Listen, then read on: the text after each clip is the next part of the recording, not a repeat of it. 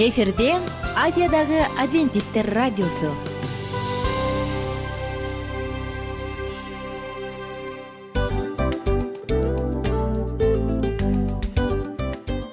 Достор салют.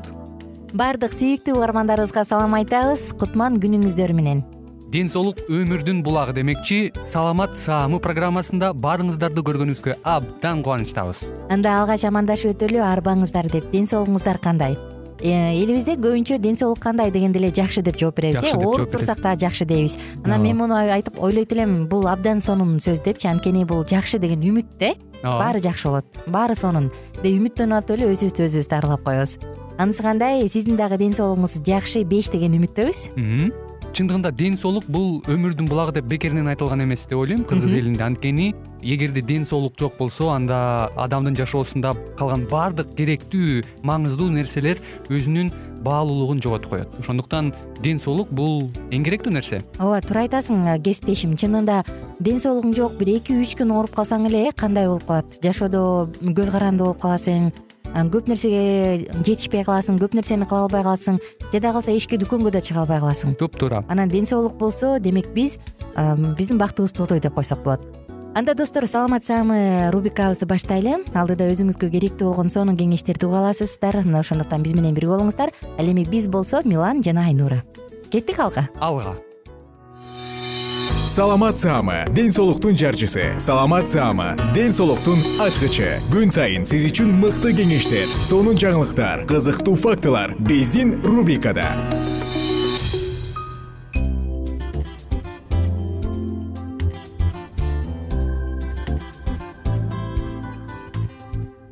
Кутман күнүңүздөр менен замандаштар баардык сүйүктүү угармандарыбызга ысык салам жана салам айтуу менен бирге сиздерди саламат саама рубрикасына кош келиңиздер деп чакырам.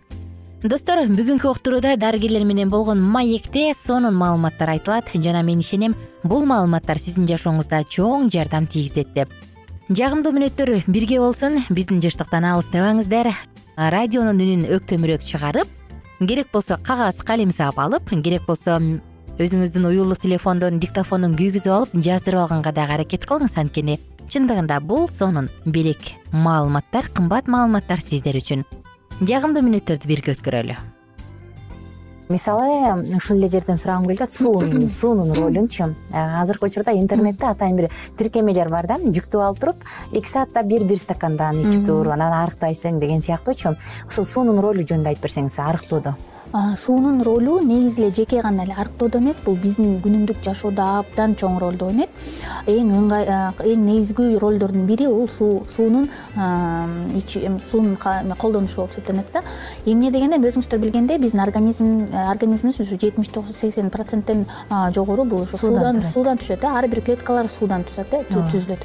Ошондуктан ар бир биздин организмибиздин туура кандайдыр бир ыңгайлуу иштешине биз суунун өлчөмүн дагы контролго жөнгө салышыбыз керек. Эмне дегенде биз ошо заара менен чыгып кете турган суулар бар эмеспи силиктерчи эми суусундукту бул чыгып кеткен тер менен чыгышы мүмкүн э заара менен да чыгышы мүмкүн. Дем алууда дагы дем алууда. дагы эме кандайдыр бир өлчөм кетет э мисалы шилекей менен дагы кетиши мүмкүн бул. Мисалы э, жаш жаш менен да кетет бул. Көп ошо ар кандай эме жолдор менен биз ушул сууну чыгарабыз да денебизденчи. Бирок ошонун калыбына келиш үчүн биз ар бир адам ушул э, суунун өлчөмүн дагы жөнгө салышыбыз керек. Мисалы кантип жөнгө салсак болот?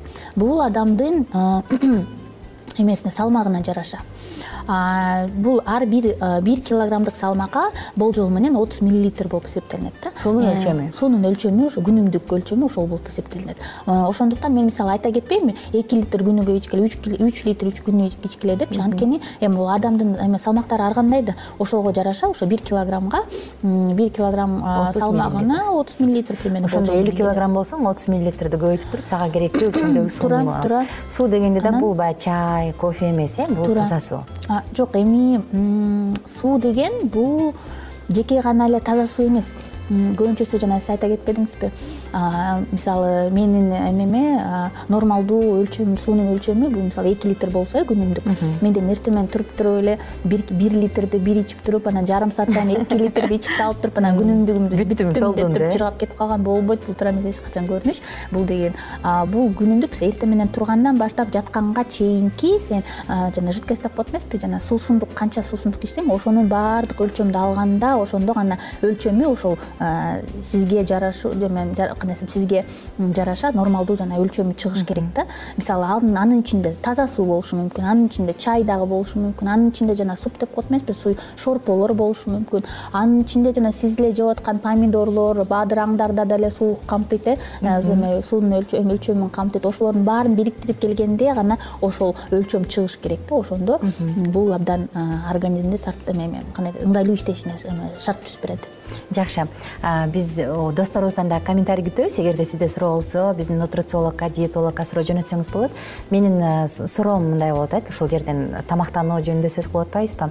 Негизи эле ушул тамактанып жаткан учурда суу ичип жаткан учурда баардык эле учурда биз өзүбүздүн салмагыбызды эске алышыбыз керек деп келбедикпи анан баягы адам өзүнүн идеалдуу салмагы канча болушу канча болушу керек?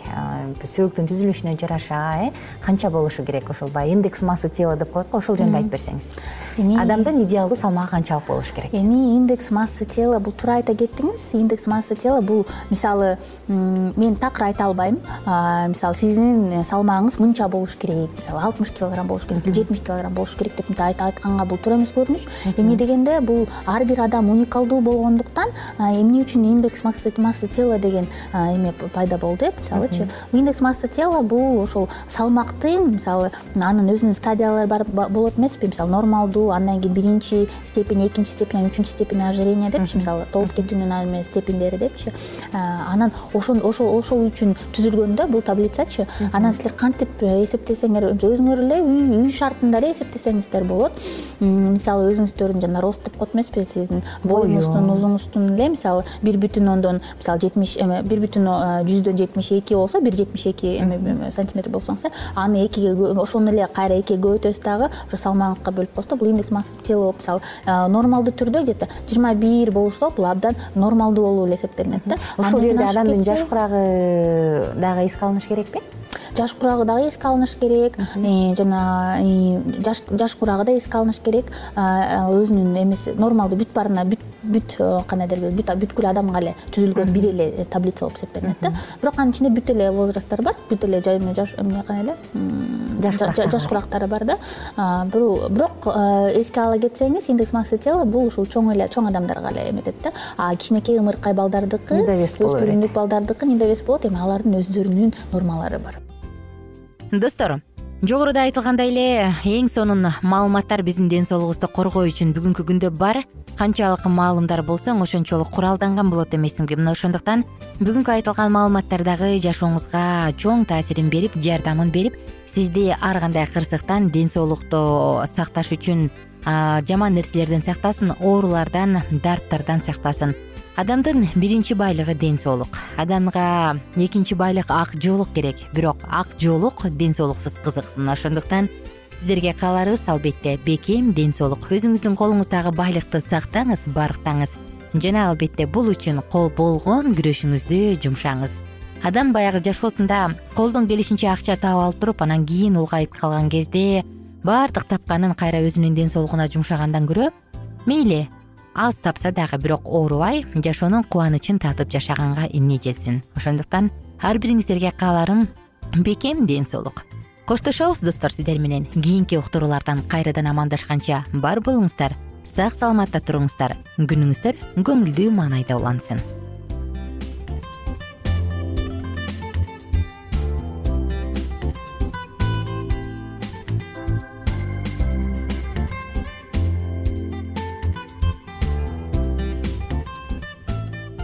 кененирээк маалыматтар үчүн үч w чекит саламат чекит клуб сайтына келип таанышыңыздар.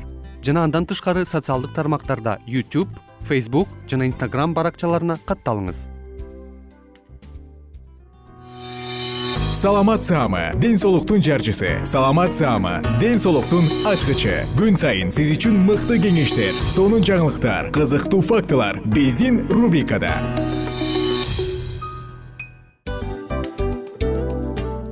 салам достор. Кайрадан биздин сүйүктүү рубрикабызга кош келиңиздер деп айтмакчыбыз. Баардык замандаштарыбызга арбаңыздар деп саламыбызды айтабыз. Улуу ушундай бир э, урматтаган учурашуу менен анан дил маек радио баракчабызга чакырабыз. Негизи дил маек биздин рубрикабызда эмне жөнүндө кеп кылабыз бул дил маектин мааниси эмнеде рубрикабыз менен кичине тааныштырып кетсеңиз. Сөзсүз түрдө тааныштыра кетейин. Кесиптешим суранычы боюнча бул учурда бул радио баракчада биз ар тарап кесип ээлеринен сонун кеңештерди алабыз сүйлөшөбүз сырдашабыз. Аталарыбыздын эжелерибиздин апаларыбыздын кеңештерин угабыз айтор. Жан дүйнөгө адамдын э, сапатына адамдын деги эле адам болуп жашашына керектүү баардык кеңештер алдыда. Негизи э, дил маек дегенде баягы эки адамдын ортосундагы сырдашуу кенен сүйлөшүү. Негизи эле биз адамдар бири бирибиз менен бир жерге жай жерге отуруп алып өзүнчө тынч э, жашоо жөнүндө өмүрүбүздө эмне болуп атканын бөлүшкөнү жакшы көрөбүз э адамдар. Ооба туура айтасың анан э, мындай учурга кээде убакыт да жетпей келет э? Же болбосо сырыңды кайгыңды муңуңду кубанычыңды айткың келет а адамга ишенбешиң мүмкүн. Ооба. А бул радио баракча угармандарыбыздын чыныгы досу. Анткени бизден алган кеңеш сиздин жашооңузга чоң жардам берет. Ал эми сиздин бизге айта турган сөзүңүз ортодо гана сыр бойдон калат.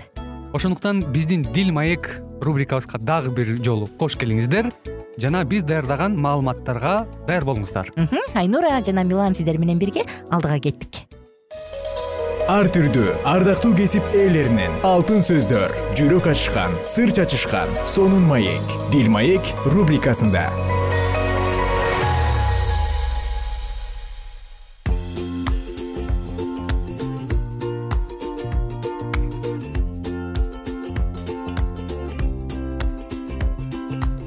Кутман күн достор баарыңыздарга ысык салам айтабыз. Кадырлуу кыргыз элим арбаңыздар арбаңыздар ардактуу радио каармандар. Кайрадан эле биз сиздер менен дил маек уктуруусун улантабыз. Бүгүнкү программабызда балдарыбыздын гений болуп чоңоюшу үчүн кандай салым кошо алабыз ушул туурасында сүйлөшөбүз.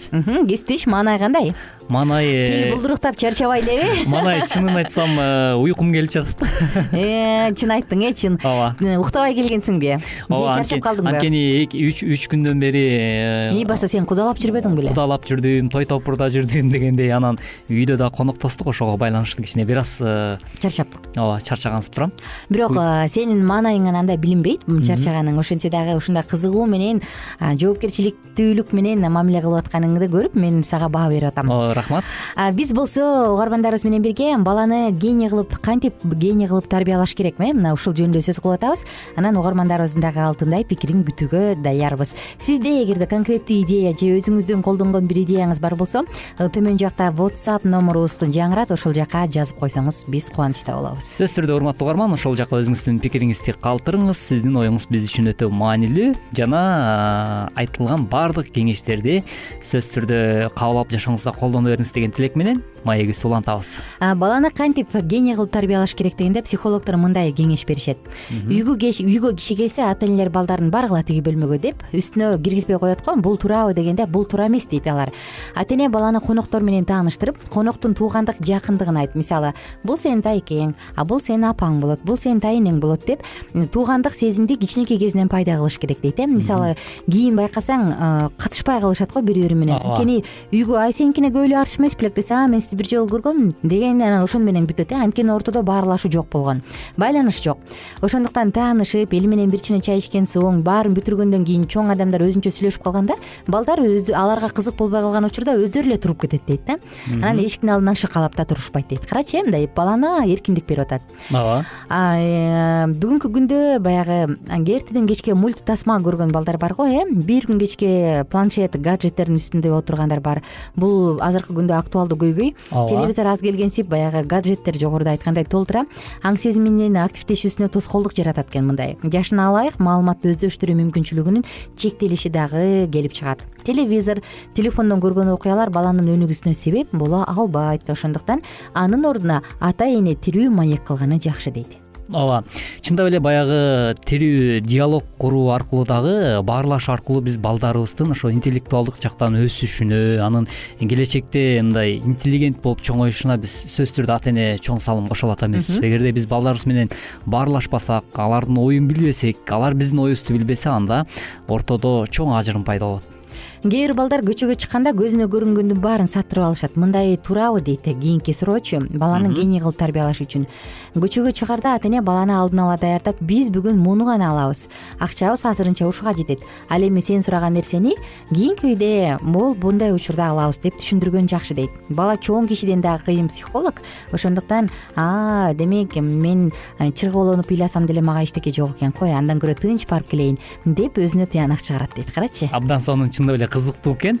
Э, бул нерсени ар бир эле ата эне э чындап эле мындай күндөлүгүнө киргизип алса деле жакшы болчу да экен э план кылып.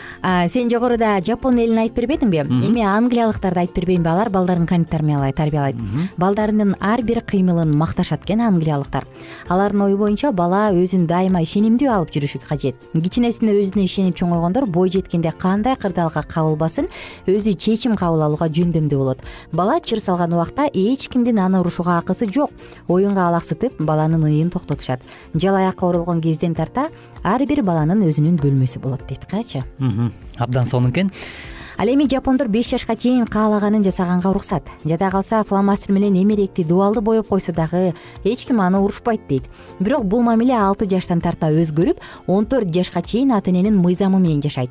Он беш жаштан тарта бой жеткен адам катары өз алдынчылыкка үйрөтүшөт абдан сонун кеңеш экен бул дагы кытай болсо балдарын ата энеге кың дебей баш ийе тургандай тарбиялашат. Тамактануу ойноо уктоо өз убагы менен болууга тийиш. Мисалы бир жарым жашынан тарта сүрөт тартып тамгаларды үйрөнүүгө багыт алышат. Кытай балдар мактоолорду дагы аз эле угушат дейт.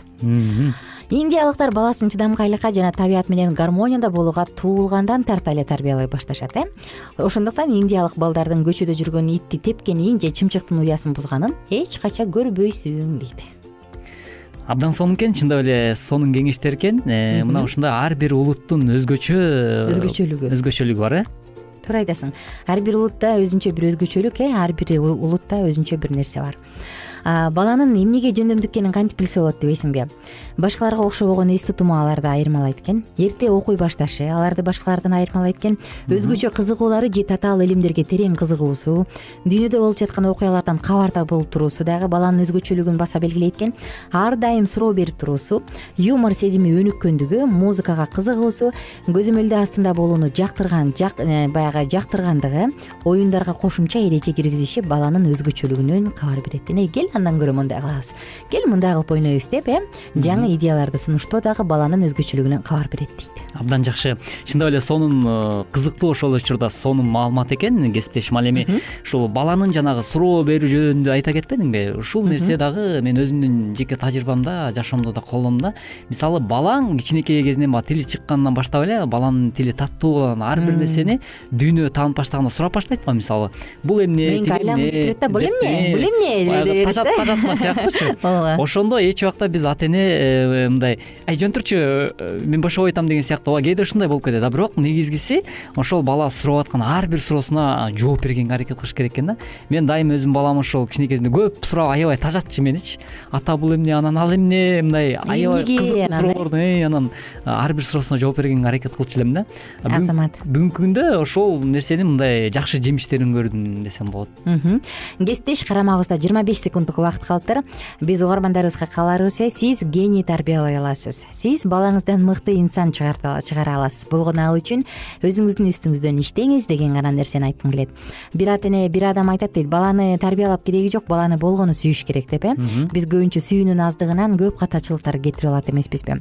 Кийинки уктуруудан амандашканча күнүңүздөр көңүлдүү улансын. Амандыкта туруңуздар. Бар болуңуздар достор. Сиздерге баарыңыздарга көңүлдүү күн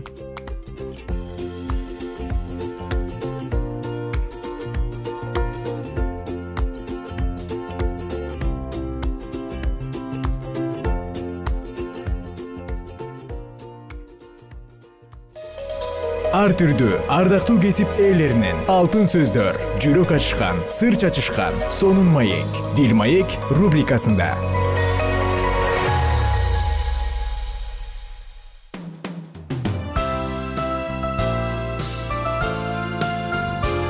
Эфирде азиядагы адвентисттер радиосу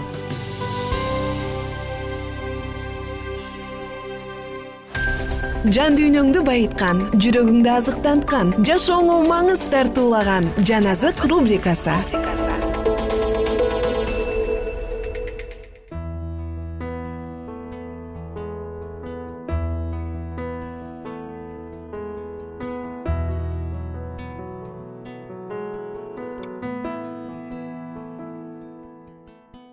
салют достор баардык угармандарыбызга салам айтабыз. Сиздер менен бирге дагы да болсо мындай мүмкүнчүлүк бар экендигине албетте кубанабыз. Анткени ар бир угарманыбызга кутман таң кутман күн каалап кызматыңыздардабыз. Жана бүгүн дагы сиздер менен бирге акыркы учурга болочок учурга маанилүү учурга саякатка бара алабыз эске салсам достор бул уктурууда жан азык радио баракчасында сиздер менен бирге биз жан дүйнөнү азыктандырып акыркы учур жашоонун өмүрү өмүрүбүздүн акыркы учурунда эмне болот? Мына ушул тууралуу сөз кылып атканбыз.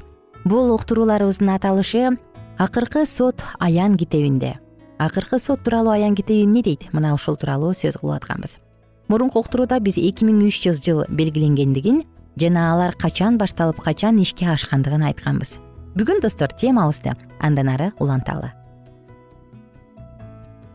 биздин замандын отуз төртүнчү жылы степан машаякчылык жыйындагы биринчи диакон ыйсанын месих болгондугу тууралуу эски осуяттагы күбөлөндөрү айтып жатып таң калыштуу кеп айткан. Жүйүттүн лидерлери степанды жек көрүү менен таш бараңга алышкан. Ушундай жол менен алгачкы ишенүүчүлөрдү таркатып жакшы кабар үчүн бутпарастарга эшик ачкан биринчи куугунтук башталган биздин замандын отуз төртүнчү жыл. Үч окуя менен белгиленген. Биринчиси степан ыйса месих машаяк экендигин айткан. Экинчиси жүйүт ыйык кызмат кылуучусу ыйса машаяк экенин далилдеген степандын аргументтерин четке каккан үчүнчүсү бутпарастарга жакшы кабар таратыла баштаган пайгамбарчылыктагы жетимиштик ыйса машаяктын жашоосу жана кызматын камтыйбы? Сөзсүз түрдө. Эми эмнеден баштасак ошого кайталы даниэль китебиндеги пайгамбарчылык эмне дейт? Ал жакта жетимиш жума эки миң үч жүз жылдан бөлүнгөн дейт. Анда калган убакытчы? Пайгамбарчылык эки бөлүктөн турганы эсиңиздеби? Биринчи бөлүк биздин замандын отуз төртүнчү жылында төрт жүз токсон жыл бүтөт. Анда ыйса машаяктын биринчи келиши тууралуу айтылды. Экинчи бөлүк пайгамбарчылыктын экинчи бөлүгү. Эки миң үч жүзүнчү жылдын доору биздин заманга чейинки төрт жүз элүү жетинчи жылы башталды. Алгачкы төрт жүз токсон жыл биздин замандын отуз төртүнчү жылы аяктады. Эми бир миң сегиз жүз он жылдык мезгил калды. Биздин замандын отуз төртүнчү жылы башталган мезгил качан бүттү? бир миң сегиз жүз кырк төртүнчү жылы. Эмесе биздин заманга чейинки төрт жүз элүү жетинчи жылы башталган эки миң үч жүз жылдык учур бизди бир миң сегиз жүз кырк төртүнчү жылга алып келет эки миң үч жүз жыл күндүн акырында эмне болот? Библияда кандай багамбарчылык айтылган? Даниэль китебин карасак. Сегизинчи бап он төртүнчү аят. Бул эки миң үч жүз кечке жана таңга созулган. Ошондон кийин ыйык жай тазаланат. Дагы бир жолу кайталасам бул эки миң үч жүз кечке жана таңга созулат. Ошондон кийин ыйык жай тазаланат. Пайгамбарчылык ыйык жай тазаланат жана сот башталат деп айтат. Бул биз билишибиз керек болгон маанилүү кабар. Бир миң сегиз жүз кырк төртүнчү жылдан тарта кудайдын соту учурунда жашап жатабыз. Пайгамбарчылык боюнча азыр биз баардык адам рассасынын тагдыры чечиле турган жердин тарыхынын уникалдуу убагында жашап жатабыз аян китебинде кудай жаканга сот жөнүндө көрүнүш берген. Аян китеби он төртүнчү бап жетинчи аят. Ал катуу үн менен мындай деди. Кудайдан корккула аны даңктагыла. Анткени анын соттой турган убагы келди жакан бул жер шарынын тарыхындагы өзгөчө убакыт дейт. Бул убагы тууралуу жар салына турган чакырык. Бул кудайга жүрөктү аң сезимди жана жашоону тапшырууга чакырык. Бул жүрөктү тазалоого чакырык. Бул ыйса мен сага муктажмын деп айтууга чакырык. Эгер жакшы иштерибизди карасак асманда өзүбүзгө орун иштеп тапкандай ойлошубуз мүмкүн биз башка адамдардай жаман эмесмиз. Кудайдын сотунун алдында тургула деген буйрук келсе өзүбүздү кандай сезмекпиз? Үй бүлө мүчөлөрүбүзгө дайыма эле жакшылык кылып сүйүү көрсөтө алдыкпы? Дайыма чындыкты айтып жүрдүкпү? Эч качан ушак айткан жок белек. Башка адамга таандык буюмду таптакыр алган эмес белек. Эч качан жаман ойлорду ойлогон эмес белек эч качан байларга көз артпай алардын байлыгына ээ болгубуз келген эмес беле? Акыркы чечим сиздин пайдаңызга чечилерине ишене аласызбы? Достор чындыгында бул ар бирибизди ойлонто турган суроолор. Кошуласызбы? Албетте анткени эх эгер азыр өлөсүң десе мен өлүмгө даярмынбы? деген суроо болот. Мен өзгөчө баягы кыш жаңы келип кар жаап жер тайгак учурда коомдук же унаада кетип баратканда азыр тайгаланып кетип өлүм менен беттешсем анда менин абалым кандай болмок деп ойлоном да. Мен ойлойм бул суроо ар бир адамдын башына келет деп. Анткени жашоодо ооруйбуз кырсыкка учурайбыз жакындарыбызды жоготобуз мындай учурда менин абалымчы деген суроо сөзсүз түрдө келет. Өзгөчө баягы адамды акыркы сапарга узатуу зыйнатында э бул нерсени ойлонбой койбойбуз.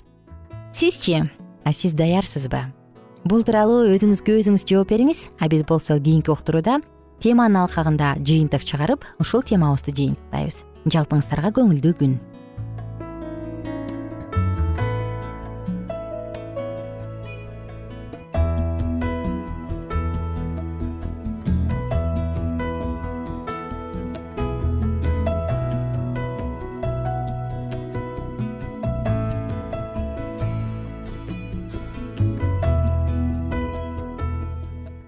эгер сиздерде суроолор болсо же көбүрөөк маалымат билем десеңиз анда биздин whatsapp номерибизге жазыңыз. Плюс бир үч жүз бир жети жүз алтымыш алтымыш жетимиш. Кайрадан плюс бир үч жүз бир жети жүз алтымыш алтымыш жетимиш